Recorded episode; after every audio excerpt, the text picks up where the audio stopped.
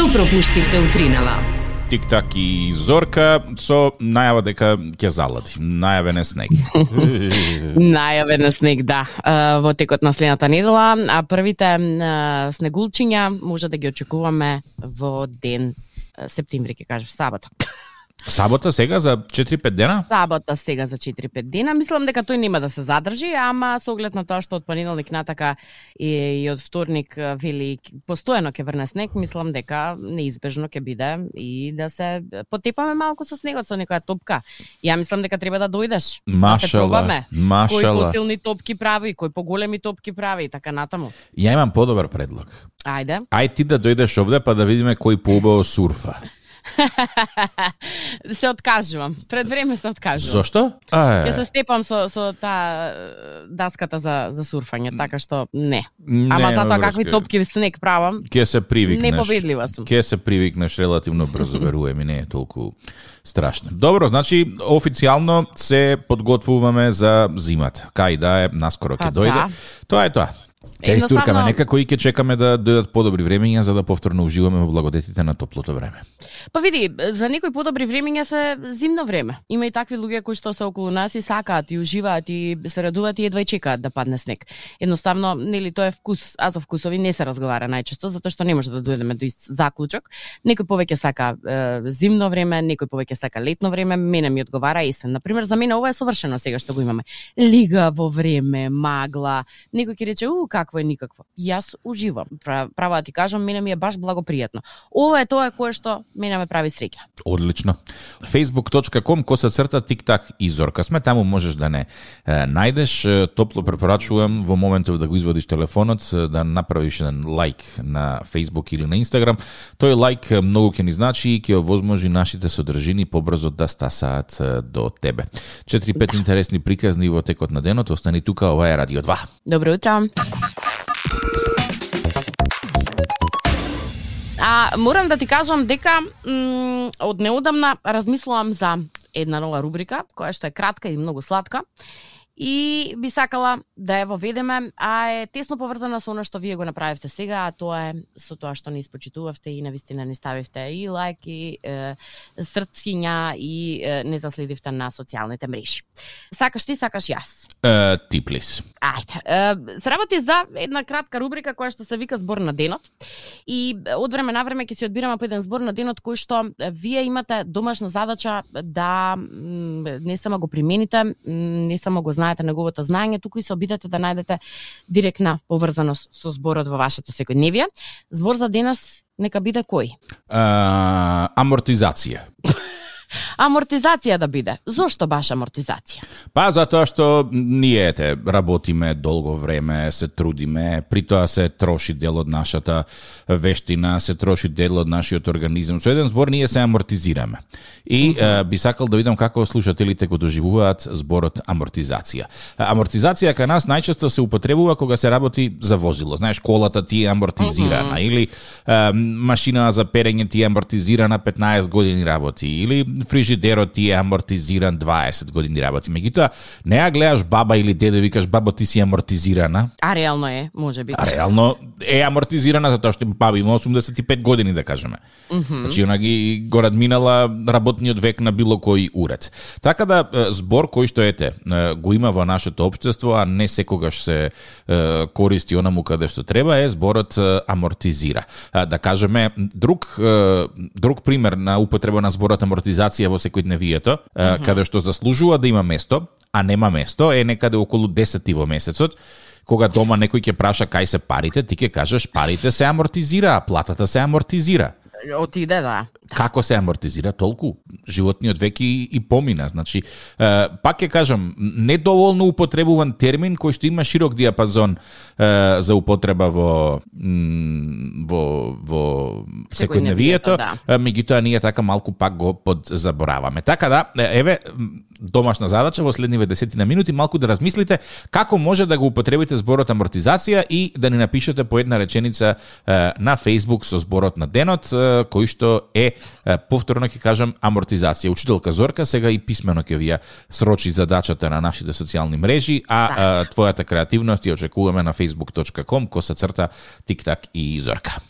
На тема креативност, многу често знаеме да дадеме и пример за тоа како од ништо може да се направи убав бизнес и истиот нели да процвета. И сега постојат разноразни идеи, замисли за тоа да речеме што за мене е креативен бизнес, што за тебе е креативен бизнес, ама овој следниот ептен ќе ви се допадне, а ќе ви кажам за истиот малку подоцна. Во меѓувреме, колегата Какоринов нешто музички ќе не освежи. А вие ќе пишувате на тема амортизација. Добро утро.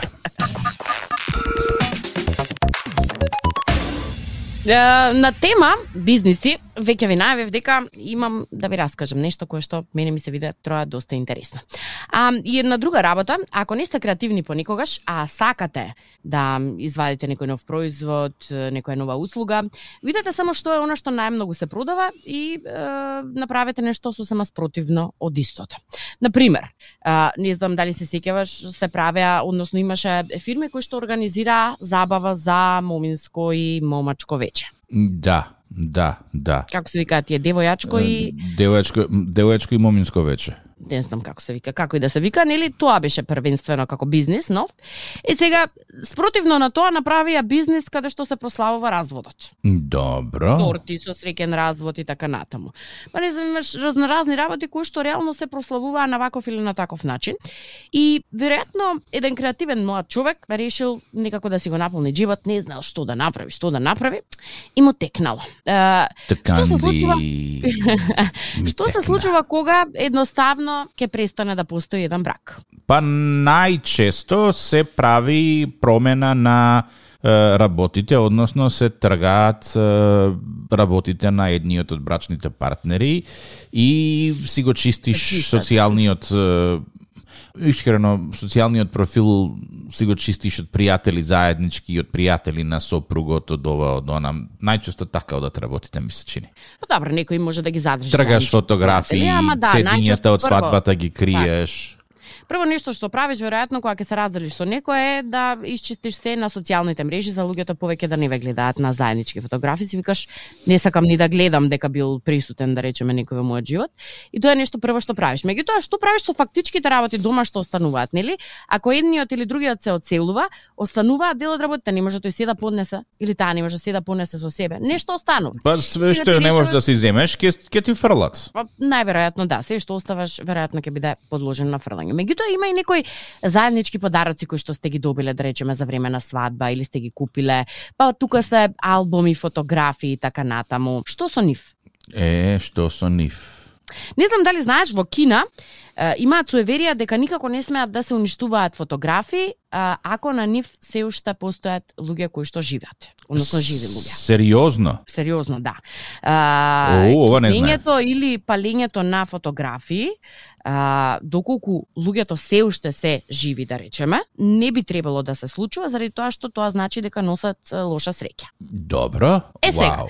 еден тип со презиме Лин од Кина го размислил се тоа и е, се прашал што разведените луѓе прават со сликите кои што повеќе не им требаат, заради тоа што сигурно ако веќе тој брак завршил, не е дека сакаш да се подсетуваш и да се гледаш себе си со таа личност насмеан на сликите. Добро. А, си стапил на сцена со новиот бизнис, кој што, пази молим те, е специализиран за уништување на свадбени фотографии, помагајќи им на клиентите да го остават својата минута за себе, истовремено заштитувајќи ја својата приватност. Вау. Значи, ке гори у кинескиот пекол овој, кој знае колку фотографии уништил. А до тогаш ќе живее многу фино. Свадбените фотографии вели спаѓаат во категорија на приватни работи кои што се многу лични, така што постои голема а, барачка на, односно побарувачка на моите услуги. Добивам порачки од сите покрајни и општини низ цела Кина. Бизнисот цвета, а сликите само пристигнуваат. Значи, компанијата на Лиу нуди неколку опции на цени, да речеме од 7 до 14 долари, што некаде во период дошло 350 320 до 700 денари, до 800, да, 700-800 денари, во зависност од големината на свадбините фотографии кои што треба да се уништат.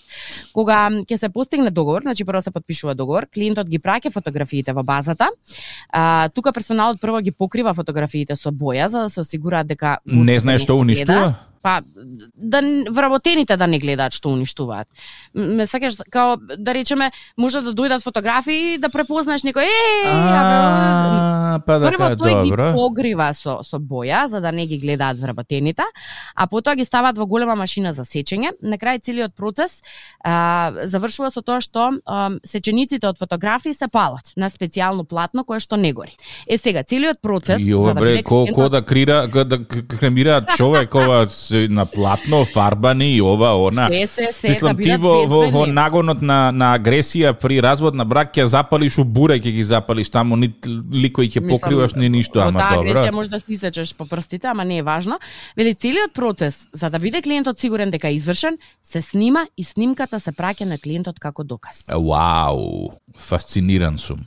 И замисли тоа некој го објави. Еве доказ што се случи со нашите фотографии. Ти веќе не си дел од мојот живот. Ја мислам дека ако веќе нешто завршило, мислам некој брак завршил, па се уште да плаќам за да ги уништувам фотографиите, Да, што е многу, многу е реално. кај си плакал со присуството на тој човек во твојот живот, некако космички си, си плакал, се па уште да плакаш и да ти се уништуваат фотографиите. Не знам. Ама, ете, сакам да ти кажам колку едноставно е понекогаш да си направиш бизнис од ништо, а бизнисот да ти биде толку креативен, во исто време да ти биде толку оригинален и никој да не може да те стаса. Бизнис на уништување на свадбени фотографии по завршување на бракот.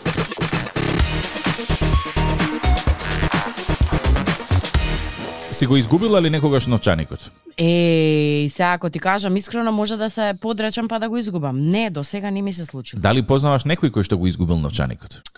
Познавам некој кој што нонстоп се го заборави и прашање на време е кога ќе го изгуби. А, сум го изгубил два пати, ако алудираш на мене. Не, ама блиску си. Добро. си го изгубил два пати до сега. Да. Првиот пат дури ме информираа дека сум го изгубил пред јас да бидам свесен дека сум го изгубил. И добро. А вториот пат ме информираа неколку часа од како го изгубив и во двата случаи ми го вратија комплет со се што беше внатре. Луѓе кои што не ги познаваш, Луѓе некаде кои ти што не ги познавам, да. О, колку убаво. А како те најдоа? А, визит карта чувам стално во новчаник со телефонски број. Браво, браво. Гледаш, мене тоа не ми тикнал. Е, за се има прв пат. А, ај разбирам, знаеш, во Скопје, мал град, од Ѓорче до Драчево 20 километри. Ама еден човек во сад возел mm -hmm. 2575 километри Добро? а, за да си го земе прстенот кој што го изгубил. Прстенот. Да. А, Стефан Сегуин се вика дечкото. А, бил на летување во Свети Августин во Флорида. Аха. и а, го изгубил прстенот додека пливал во океанот, венчален прстен. И замисли сега Зорке да имал жена македонка, да се врати од Свети Августин и да ја каже го изгубив прстенот и ова уште да е од Охрид. Како го изгуби, го извади со стружанка одеше, се криеше со други жени. Не даваш, кај ти е прстено, оти се вади прстено ако се плива, значи вика неле, нале, нале, вика, ој Да. фала Богу за Македонка не сум. И не да. како изгубил прстено додека се бањал во додека пливал во океанот, арно ама човек по име Джозеф Кук си имал некоја Капетан Кук. Капетан Кук, добро. Е, си имал човекот некоја желба и порив да бара скриено злато во океанот. Мгм. И си имал детектор за метал. Добро. И го пребарувал песокот и направил нешто да прави ти ти ти ти ти ти ти ти ти ти и кук вика леле тоа е тоа решено ми е животното прашање ми е решено најдов злато. Брцнал извадил што ќе види венчален прстен. Прстенџе. Да. И е, што се случило? Е, се чекај сега. А, го нашол и му рекол чувај ми го прстенот бидејќи А нели како, она како влегле во контакт, како едниот знаел за другиот чиф е прстенот? Тоа, тоа, контактот како е направен? е како знаел дека е тој? Да, како знаел дека тоа е тој, го објавил или на социјални мрежи или пишувал ли нешто на прстенот, затоа што секој денес може да ти ка мое. Може. Се што- овие 100 евра мој се. Што се случува сега? Штом де- де- детекторот за метал ќе направи бип, автоматски започнува да снима видео, за да се види што е Аха. тоа што е најдено Добра. и го праќа на фидоите на социјалните мрежи, значи Инстаграм, Твитер, Фейсбук, секаде, секаде. А, добро. И овој си го видел. Да. И сега Жив што се случило, си го видел, да, ама пред тоа, овој, као рекол, барам прстен изгубен е, ако некој го види, нека го најде, аман заман. И овој рекол, види дечко, ја барам метал таму, следи ме на социјалните мрежи, ако го видиш прстенот, јави ми се. И овој ги гледал на Твитер фидовите на, на капетан Кук и еден ден си го видел прстенот. И рекол, вау. Да. И овој им рекол, дајте доказ дека е твој прстенот. Така, така. И овие пуштиле слика од невестата, е, од дента на свадбата која си ги разменувале прстените. И, од дента која го изгубил прстенот намрштена. Добро. И овој рекол, добро, дојди ке ти го дадам. И човеков се качил у кола и возел е, 2575 е, километри. Мгм. за да го земе својот прстен и да му се заблагодари на, на човеков и му, му донел поклонче некој.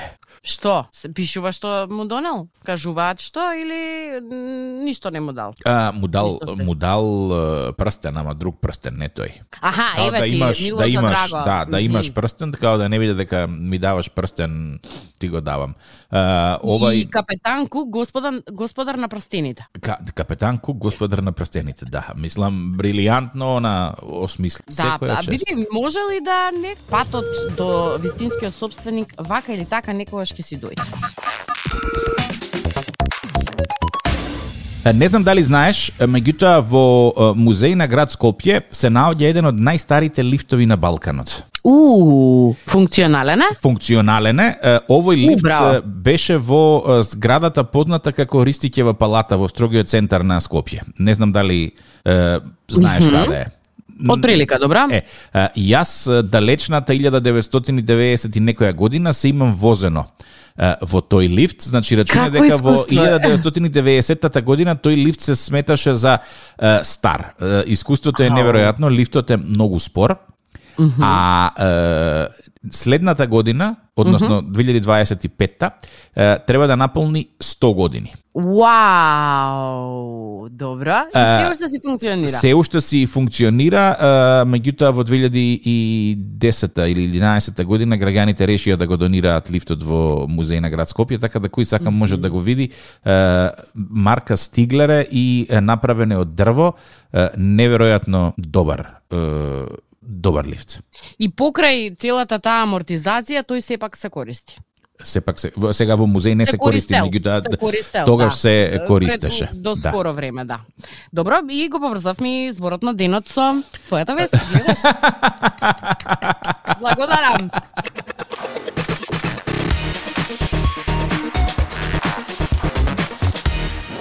Сакам да те прашам дали се согласуваш со реченицата дека што постаро е виното, тоа е подобро.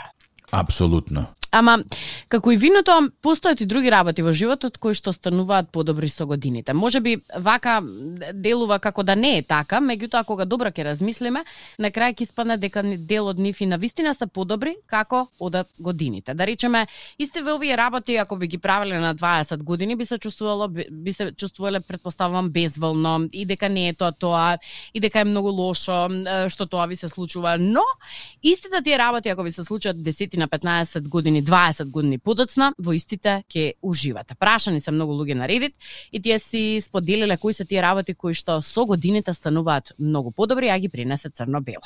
Ајде да видиме дали и ти го имаш истото размислување и вие слободно може да искоментирате на социјалните мрежи дали се согласувате или не се согласувате. Дали си подготвен? Подготвен сум. Uh, работа број 1 во која што уживаш повеќе како стареш, викенд во кој што ништо не се случува. Да, Нели? да. Викенд ми стана период од неделата каде што не сакам ништо да се случува. За разлика од предходно кога сакав за викенди да сум присутна секаде и се да видам и секаде да појдам. Држи вода. Следно, Да се биде сам дома. и тоа да. Најчесто само така можам да исчистам како што треба. Трета работа, спиење. Што спиење? Спиење, да. Дека со текот на годините е подобро кога спиеш. Добро. Ти станува поудобно спиењето за разлика од 20-тите години? Да, да, и на ми треба по и ми треба повеќе спиење. И мене ми треба повеќе спиење. Зошто е тоа така? Повеќе сме уморни, повеќе работиме, веројатно. Па ми се чини да, затоа што е, ако Многу интересна работа. Не знам, искрено не знам зошто. Многу Искрено интересна работа. На тема спиење, да речеме на 20 години, излегуваш до 3 до 4 сабајле до 5, преспиваш 5-6 сати, следниот ден си нов. Сега излегуваш, не мора до 3-4 да се задржуваш, се задржуваш до 1 п- после полноќ, спиеш 8 сати и следниот ден стануваш уште поуморен од предходно. Да. Значи да. ти треба повеќе спиење. Треба. Добро. Да. И тоа го штиклиравме. Слушање наместо зборување. Не. Јас сум Се си уште сакаш да се изборуваш? Сакам да се изборувам, Зорке, да. Па и јас сакам да се изборувам, веројатно не сме стасани до таа возраст. Кога уживаме. Следно, тишина. Да. Да, Да. ништо поубаво од тишина. Следно, пладневна дремка. Не. О, да, тука не се согласуваме. Добра книга или добар филм? Или или. Па Книга. јас во па, јас не можам да се одлучам, и двете ги сакам во овие години. Книга да, ама понекогаш и филм е добра, така што овде сум 50-50. Прошетки во природа. М, Знам да. твојот одговор. Да, Да, да, да, да, да. да. Јас сепак не.